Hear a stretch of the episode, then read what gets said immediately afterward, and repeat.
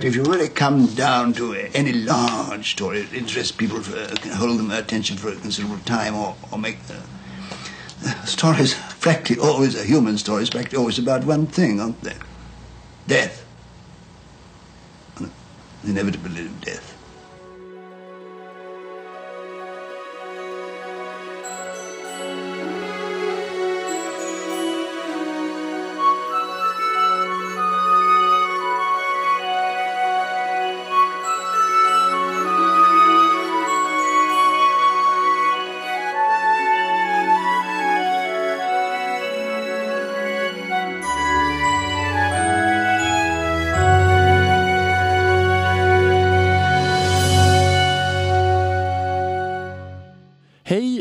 Välkomna till tredje avsnittet av Tolkienpodden.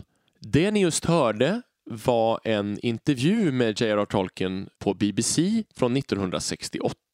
Och det han säger där i intervjun är alltså att alla berättelsers viktigaste tema är döden och dödens oundviklighet. Och i och med att han tyckte så, så tänkte vi att det skulle vara intressant att det här tredje avsnittet handlar om Tolkiens relation till döden och hur det avspeglar sig i hans författarskap. Med mig har jag som vanligt Elisabeth Bergander. och Daniel Möller. och jag heter Adam Westlund precis som förra gången.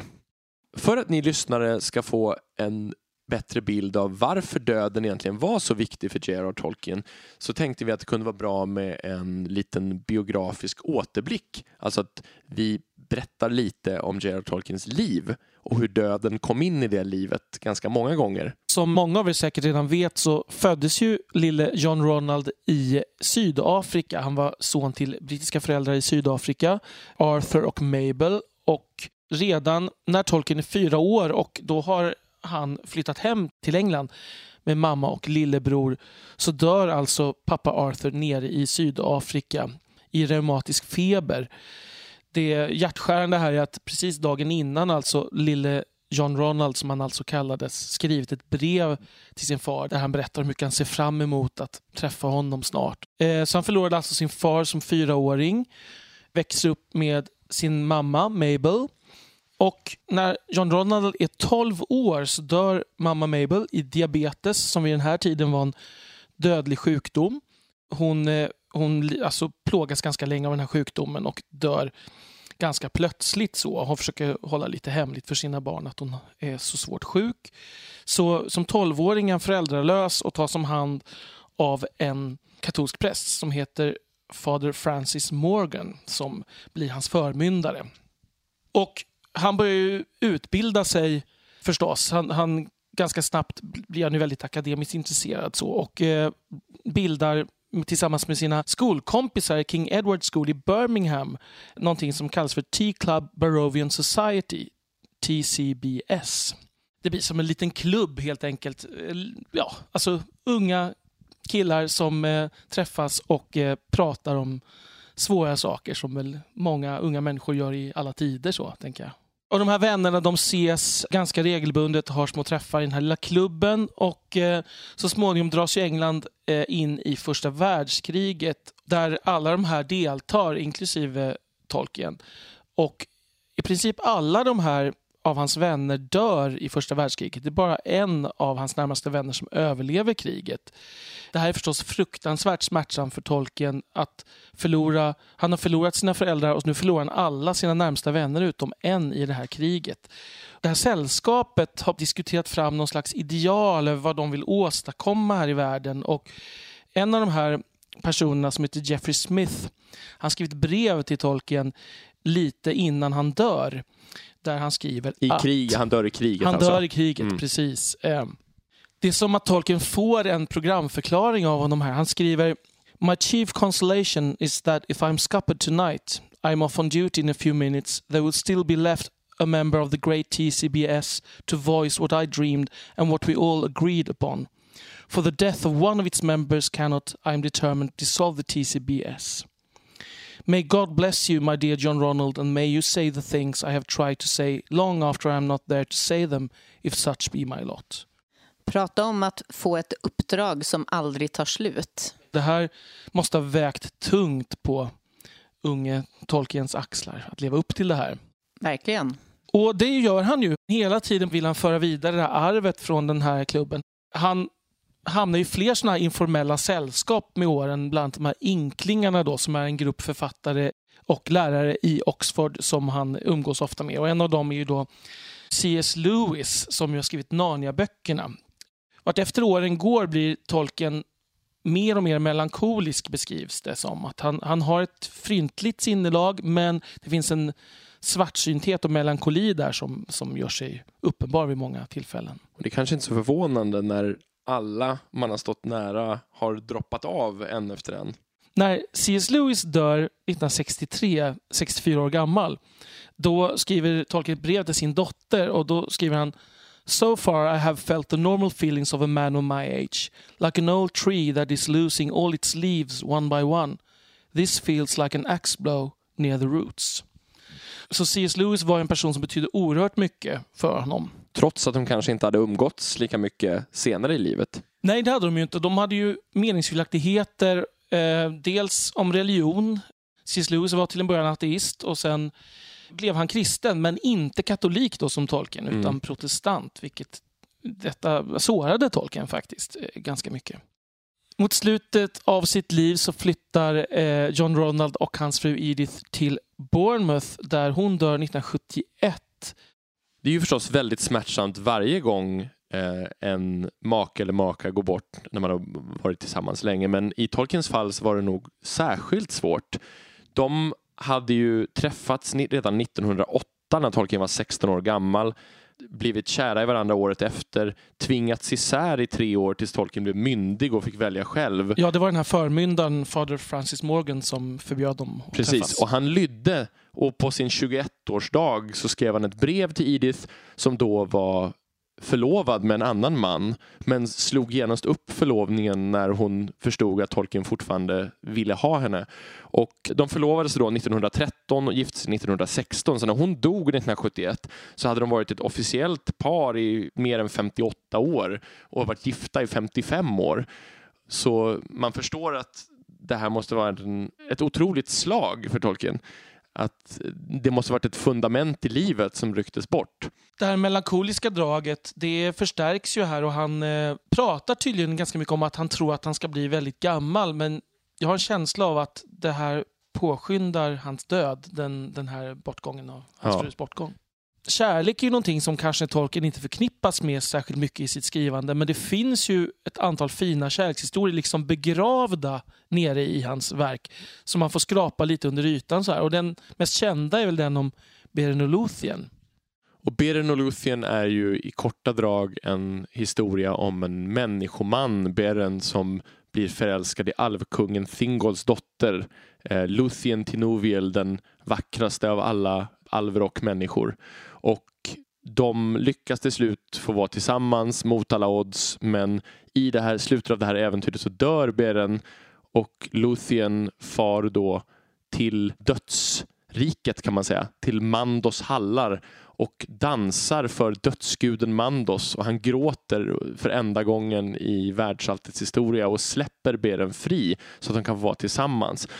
Det enda villkoret är att Luthien måste bli dödlig. Hon måste ge upp sin alviska odödlighet.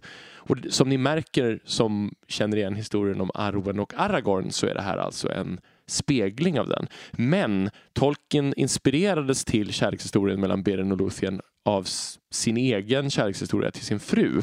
Han beskriver ju in, i en berömd dikt hur han ser Beren ser Luthien dansa och precis den scenen är alltså hämtad ur Tolkiens eget liv. Han ser Edith dansa för honom. när han är på permission från första världskriget.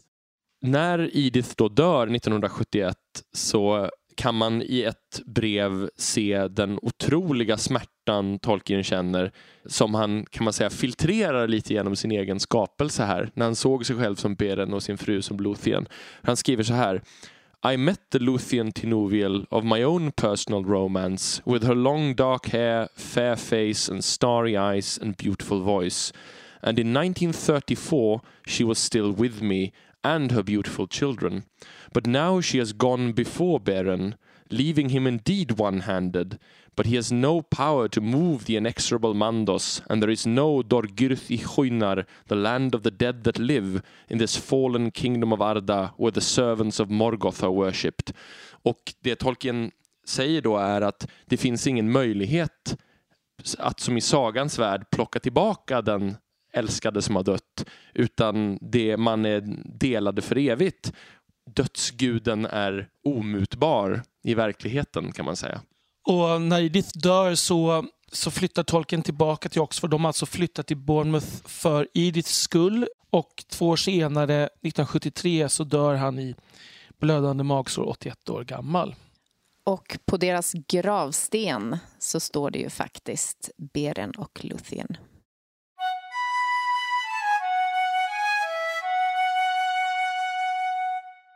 Om man tittar på Tolkiens verk, han har ju skrivit eh, ganska många saker som rör sig runt Midgård och Arda på diverse olika sätt, så behandlas döden egentligen utifrån två aspekter eh, framför allt.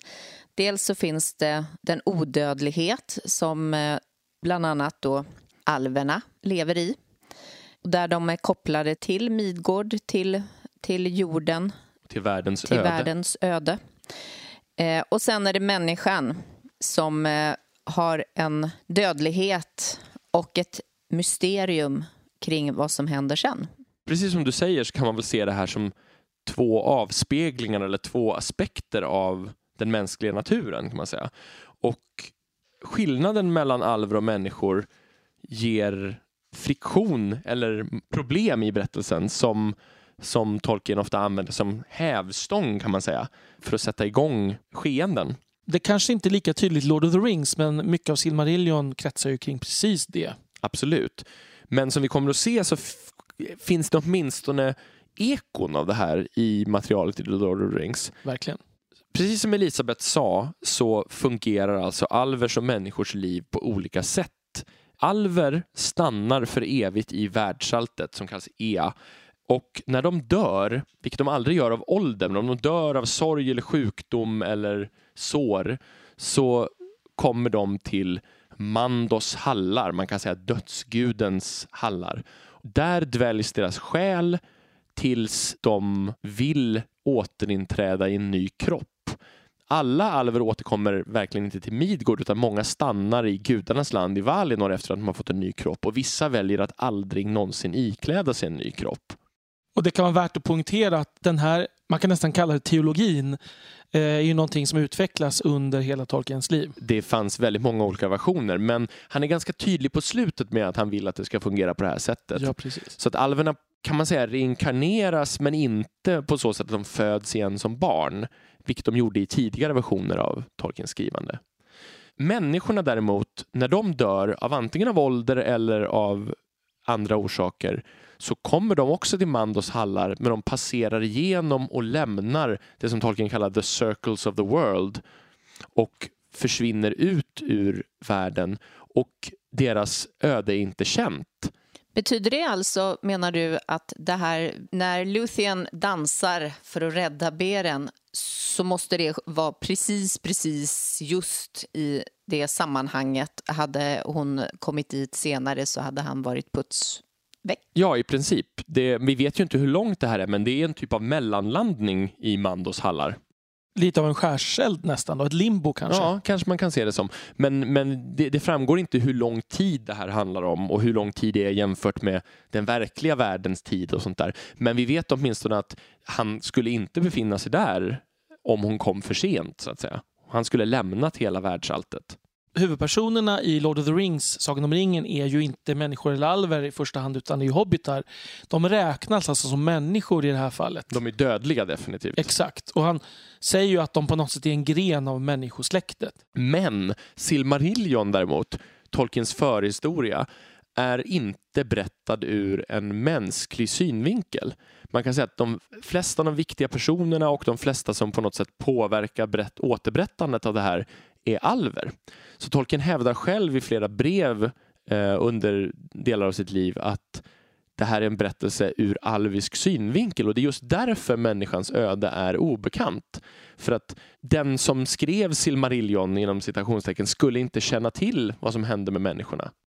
Men det blir ju lite extra intressant då med tanke på att nu vet jag inte om alla har läst Silmarillion men det är ju ändå väldigt stora delar där åtminstone tre människor påverkar historiens utgång väldigt tydligt. Men det är ju också människor som har spelat en stor roll även i alvernas historia, kan man säga. Absolut. Det här är ett ganska smart sätt för Tolkien att inte måla in sig i ett hörn där han på något sätt bryter mot någonting i sin katolska tro. Att säga att människornas öde är okänt för alverna är ju ganska problemfritt även ur en katoliks perspektiv, tänker jag. Och efter att Lord of the Rings kom ut så fick ju faktiskt Tolkien också ett par brev från präster som diskuterade det här ämnet med honom och vissa var ganska kritiska och Tolkien försvarade sig och förklarade hur han tyckte att det här går ihop med den katolska tron. Men Tolkien hade ju också samma problem som eh, många andra kristna i att förklara till exempel antikens eh, visa människor, till exempel vad de var de för alltid förtappade själar till exempel? Alltså alla människor som levt innan kristendomen slog igenom. Hade de ingen möjlighet då att, att möta Gud eller komma till himlen? Och det här var ju någonting som jag tror Tolkien brottades ganska mycket med på sitt eget sätt i sina böcker. Det är en ganska fascinerande tanke. Det har jag inte överhuvudtaget reflekterat kring.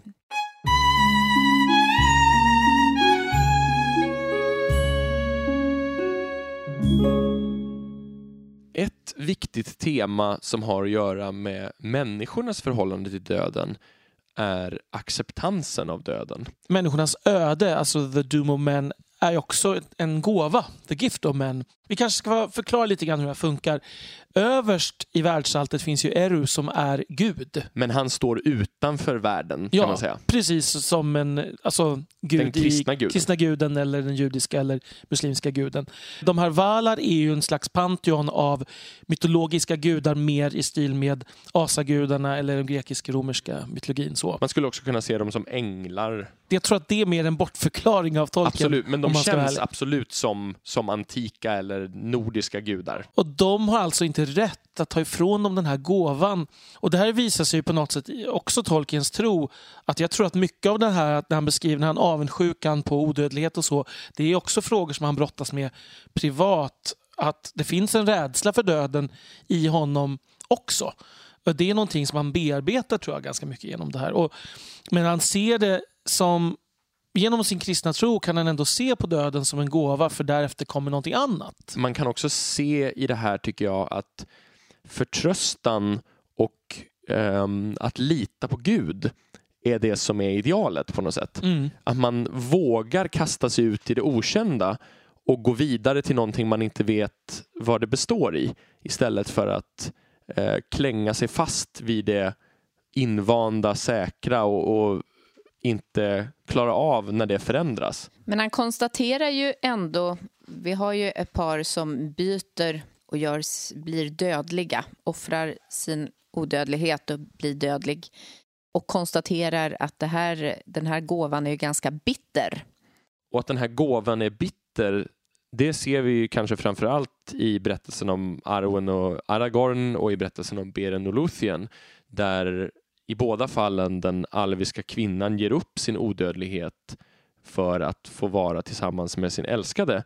Problemet är då att alla andra som står dem nära finns kvar i världen. Ja, på något sätt så blir de ju faktiskt övergivna i dubbel bemärkelse när deras älskade dör eftersom de skiljs då både från sin släkt och från sin respektive. Men i Beren och fall så har åtminstone jag någon typ av romantisk bild av att de fick dö tillsammans. Hur de dog och så är ju inte riktigt känt.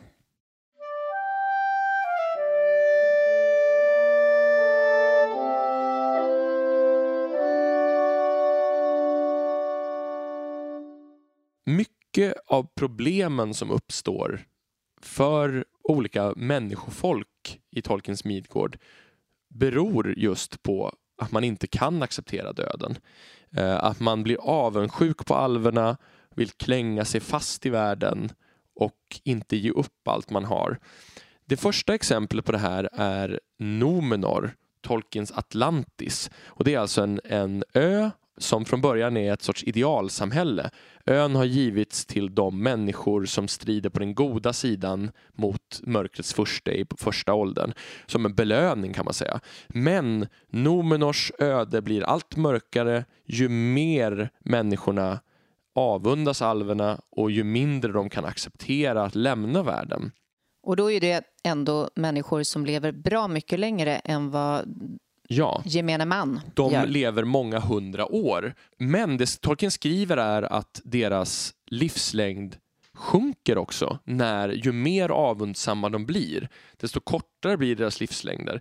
Han skriver till exempel så här. For though the Valar had rewarded the Dunedain with long life, they could not take from them the weariness of the world that comes at last, and they died, even the kings of the seed of Earendil, and the span of their lives was brief in the eyes of the Eldar, alltså i alvernas ögon.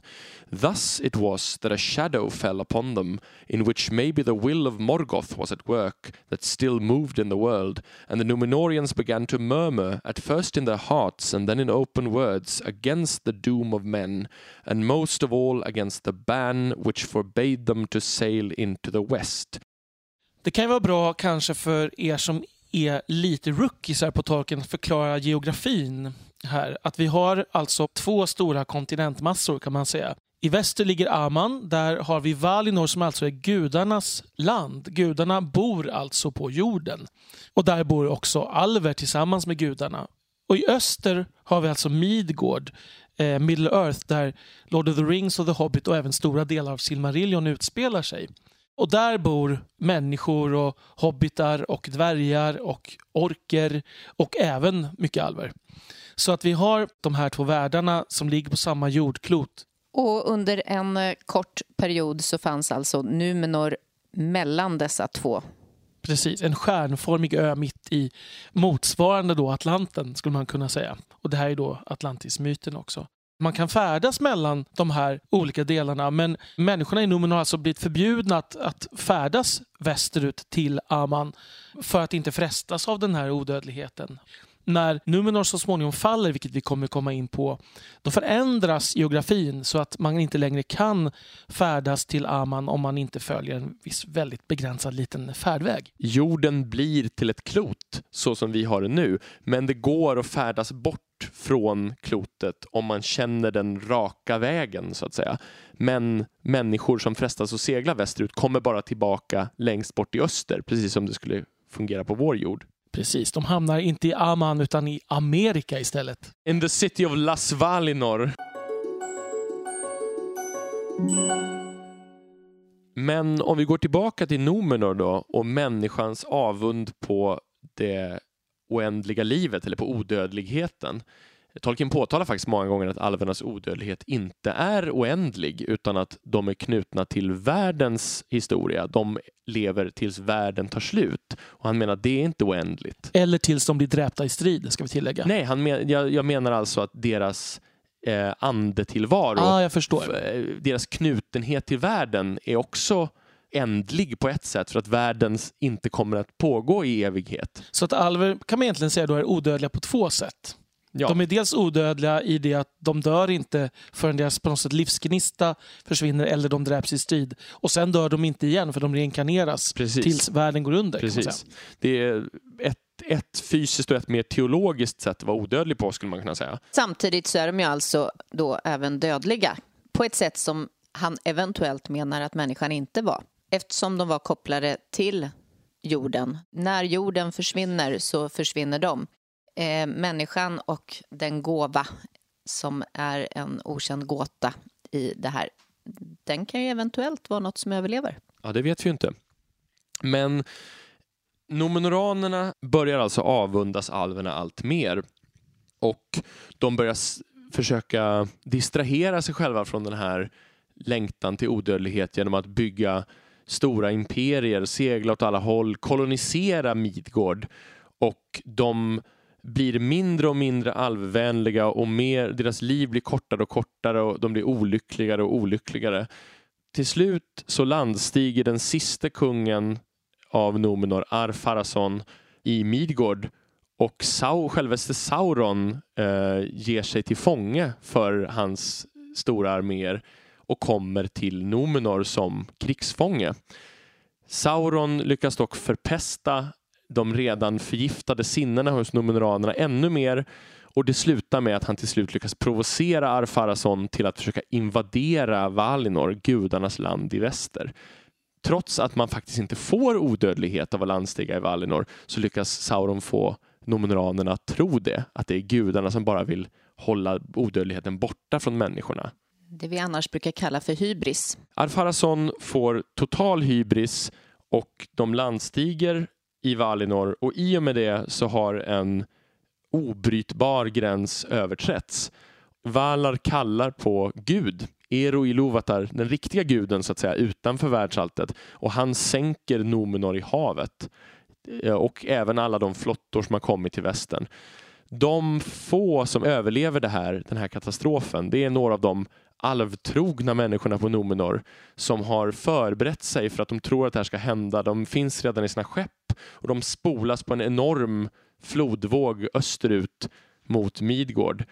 Bland dem har vi till exempel deras ledare Elendil och hans söner Isildur och Anarion. Och Elendil och Isildur känner ni säkert igen från prologen i Lord of the Rings-filmerna där Elendil är den kung som Sauron slår ihjäl varefter hans son Isildur hugger fingret av Sauron. När vi ändå pratar om Numenor och dess fall så kan jag bara konstatera att för mig, jag tycker att det är givetvis någonting som kanske är som en styrka. Men samtidigt så gillar ju jag när saker och ting slutar lyckligt och jag tycker det är lite sorgligt att Elendils pappa gör ett försök att åka och be om nåd till Valar och försöka få dem att tycka synd om... Eh, ha misskund med Numenor. Ja, men verkligen. Eh, att, att inte förgöra dem eh, när han inser vart det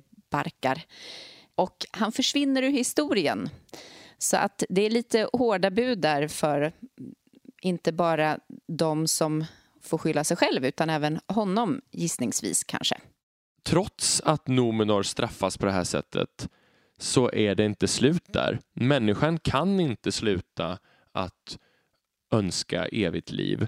För Faramir eh, berättar för Frodo i Lord of the Rings att även Gondors nedgång, det vill säga ett av de här arvtagarrikena till Nomenor som grundas av de numenoraner som har lämnat ön, att även dess nedgång till stor del berodde på rädslan för döden och önskan att klänga sig kvar.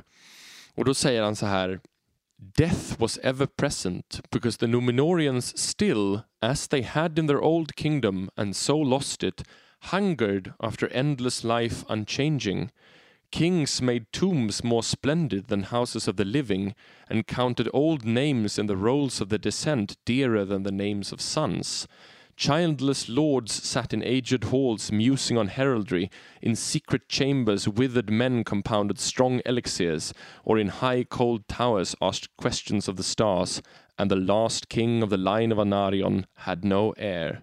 Det finns ju lite en ironi i detta tycker jag. Att, och jag tror att tolken måste varit medveten om den. att Mycket av religioners uppdrag och, och mycket kristendomens uppdrag är ju på något sätt att ge någon slags svar på vad händer efter döden och någon slags förhoppning om evigt liv.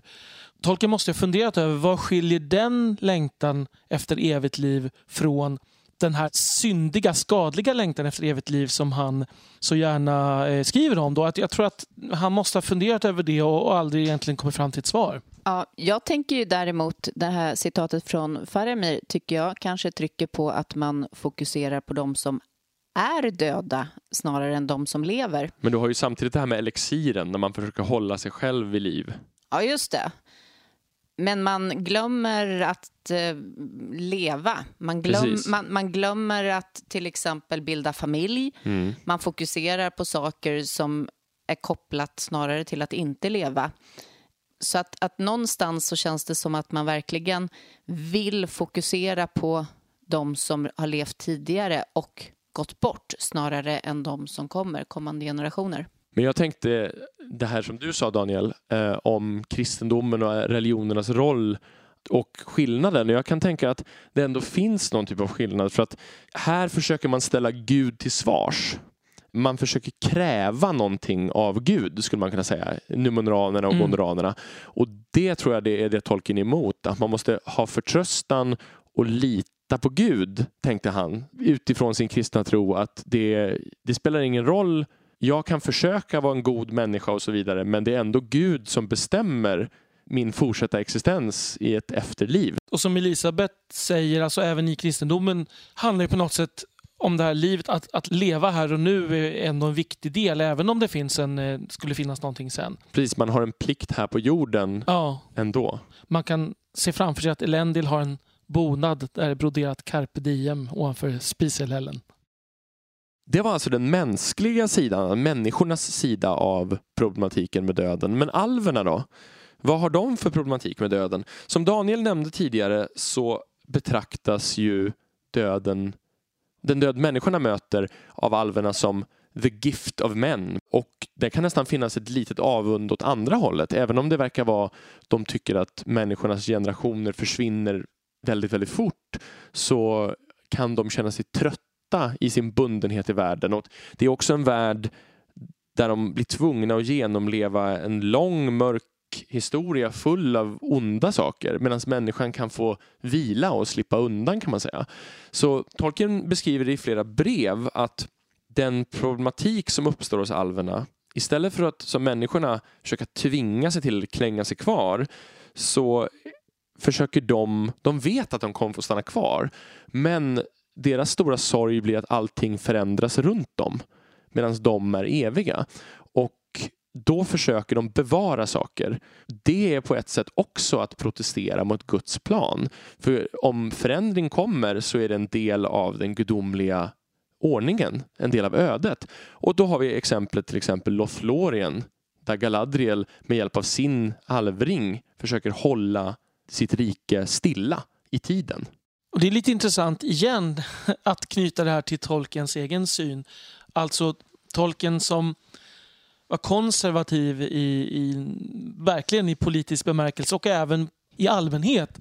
Men han måste ha kunnat se baksidan av konservatismen. och Det är på något sätt det som illustreras här. Alltså det, jag tycker jag upplever det ganska ofta, tolken. Han ser de här svagheten i sina egna åsikter. Precis, för om man jämför det här med hur Tolkien ser till exempel på industrialisering och hur fruktansvärt ondskefullt det framställs att förändringen bara är av ondo, att gå tillbaka till det förindustriella samhället är någonting bra, så uppfyller han ju inte riktigt den här tesen som han lägger fram här själv, att man måste kunna acceptera förändring. Fast jag vet inte, lägger han nödvändigtvis fram det? Jag tycker ju någonstans att Lothlorien idealiseras ändå på ett, i väldigt hög grad och att, att um, skulle man kunna bevara det så skulle det vara det ultimata. Ja, alltså i brevmaterialet så beskriver Tolkien det här som Galadriels synd. Okay. Och att det, det, liksom, det är någonting vackert och fint för att alverna är upphöjda och, och bra på och det blir någonting vackert men att det egentligen är fel av henne att försöka hålla saker kvar. Och att hon inser det i slutet och passerar västerut. Att det är hennes stora insikt att det, det går inte. Det, och det här det finns i brevmaterial, jag tror att han skrivit till någon präst, att det är liksom det där är alvernas stora förbrytelse som är jämförbar med människornas att inte acceptera sin dödlighet. Så hennes ring var någonting negativt medan de övriga Nej, alltså hennes ring är inte någonting negativt. Det han menar är alltså att Lothlorien blir fint och gott när det klänger sig kvar för att ringen i sig var någonting gott och att man menar någonting gott med att göra det här. Men att i sig var bevarandet fel. Mm. Det var ett sätt att protestera mot Gud. I förra avsnittet så nämnde vi just Glorfindel. Allfursten. Precis. Han eh, dog i Silmarillion. Han eh, hängde ett tag och fick en ny kropp och kom tillbaka. Där har vi ju just ett exempel på det här med att man inte dör även om man dör. Tolkien har ju generellt problem att ta livet av sina rollfigurer så att säga. Alltså Glorfindel är ju är då ett tydligt exempel på det här med alvernas reinkarnation. Men jag tänker väldigt få som man får någon slags känslomässig koppling till i Lord of the Rings dör ju faktiskt.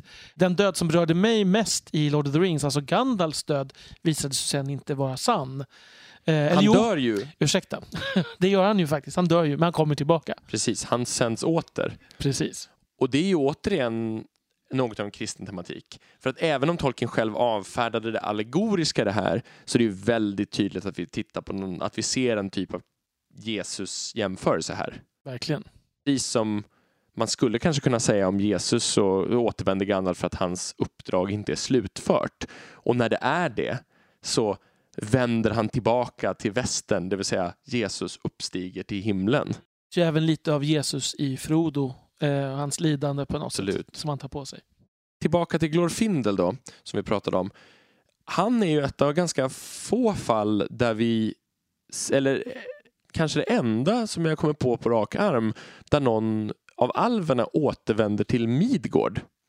För att även om alverna inte lämnar världens cirklar och kan återskapa sin ny kropp, de flesta verkar ha gjort det, för det påtalas när vissa alver inte ville träda in i en ny kropp. Till exempel eh, Miriel, Fenors mor, eh, ville aldrig och en ny kropp igen. Och det är, det är någonting som noteras. Men det är väldigt ovanligt att de återvänder österut till Midgård igen.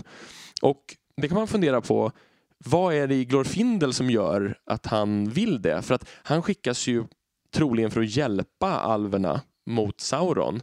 Men det, det, hade man ju kunnat skicka ganska många stora hjältar som har dött. Det måste ju varit någonting i honom som var en drivkraft att han ville tillbaka och ändra någonting i världen, tänker jag. Det finns en utomlitterär förklaring och en inomlitterär, så att säga. Om man ser det utifrån sett så är det nog så att Tolkien när han skrev The Hobbit så slängde han in lite namn från Silmarillion-mytologin för att ge ett slags djup. Och jag tror att så tidigt i författandet av Lord of the Rings, alltså det här sker ju i första boken, är han fortfarande kvar i The Hobbit och jag har inte riktigt tänkt sig att det här ska hänga ihop så mycket.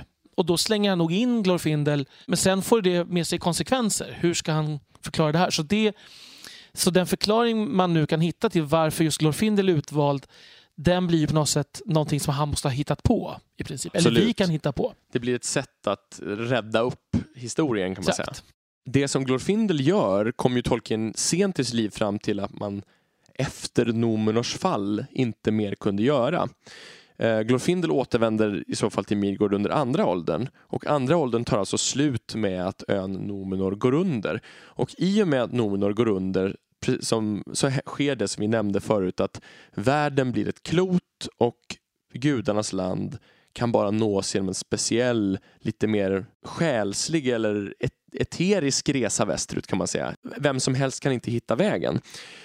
Och Gud beslutar i samma veva då också att ingen längre får färdas från gudarnas land tillbaka in i världen. Det finns ju också ett antal tillfällen då, då Tolkien bryter lite mot sina egna mytologiska spelregler om döden. Jag tänker bland annat på Döda träsken i Lord of the Rings som ju många anser vara någon slags tillbakablick till skyttegraven under första världskriget. Tolkien vill säkert inte dra den parallellen, men jag tror att vi kan göra det ändå. Alltså när Frodo ser de här liken i träsken. Det är ju så döda människor och alver och orker om vartannat. Frågar man sig ju mytologiskt sett, finns de där? Är, de, är det själar? Är det bara någon slags villfarelse, någon slags chimär man får se?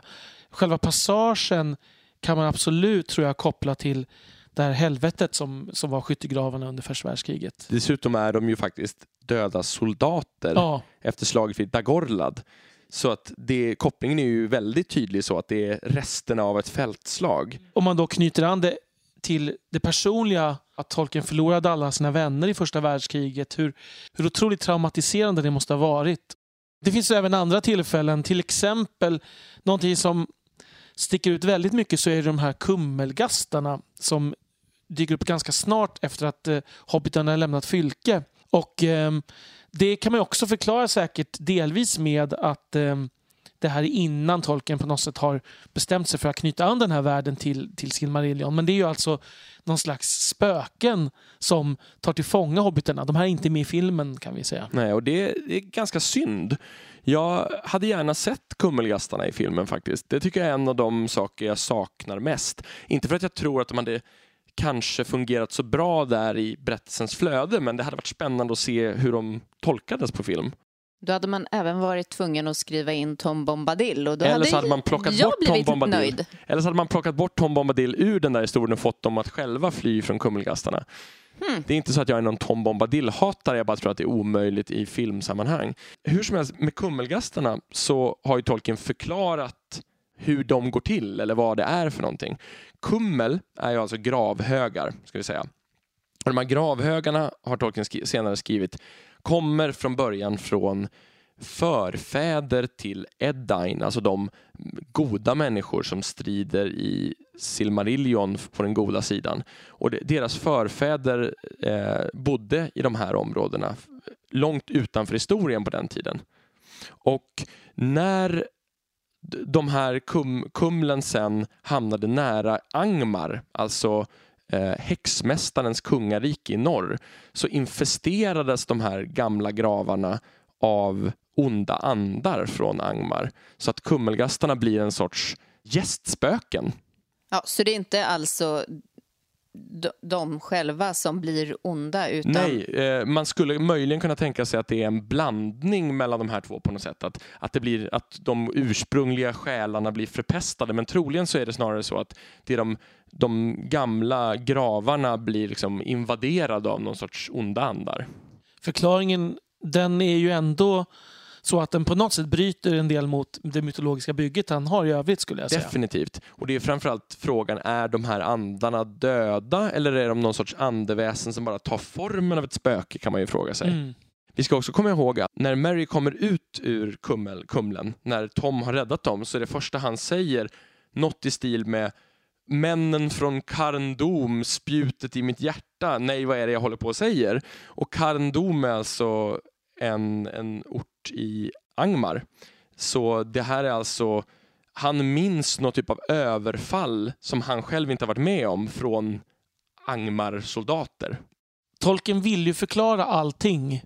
Och det kanske är så att det finns en del saker som inte behöver förklaras. Ja, det är ganska luddigt territorium det här. Verkligen. Det är ändå en spännande episod i Ja, berättelsen. Det, det är faktiskt en av mina favoritbitar överhuvudtaget, hela Kummelgastarna-scenariot. Du menar att du fick inte nog av de här eh, olika gastarna som finns i Return of the Kings, åtminstone den förlängda versionen? Du menar Pirates of the Caribbean-spökena? Ja, alltså de finns ju även i böckerna och de kanske vi ska prata om nu. Men jag tycker faktiskt att den biten, förutom att den är fruktansvärt dåligt skildrad i filmen, så tycker jag inte att de dödas armé, som vi skulle kalla det, de dödas här, är lika bra som Kummelgastarna. Ens i boken? Ens i boken. Jag förstår. Nej, jag, jag har alltid tyckt att de dödas armé sticker ut väldigt mycket i boken. Och det är ju för att de är spöken. För att summera lite så kan man alltså säga att döden var ständigt närvarande i Tolkiens liv ända från att han var barn. Det här präglade honom förstås. Och det blev ett av de mest framträdande teman han skildrade i sitt författarskap gång på gång. Och vi har väl också resonerat oss fram till kan man säga att Tolkiens kristna tro gjorde att den här kanske inte besattheten vid döden, men åtminstone den stora fokuseringen på döden tog sig uttryck i teologiska grubblerier. Där olika aspekter av Midgård skildrade olika saker som Tolkien själv var rädd för eller funderade på i hur Gud förhöll sig till världen i verkligheten, som han såg den. Därför skulle man alltså kunna säga att hela skapelsen av Midgård på ett sätt cirklar kring den här motsättningen mellan dödlighet och odödlighet, precis som Tolkien sa i citatet som inledde avsnittet. Nu återstår det bara att avsluta med de orden som Astrid Lindgren använde när hon skulle prata med sina systrar i telefon. Döden, döden. Det får avsluta det tredje avsnittet av Tolkienpodden. Vi hoppas att du tyckte att det var intressant och att du kommer tillbaka och lyssnar på fjärde avsnittet. Hej då! Hej då! Hej hej!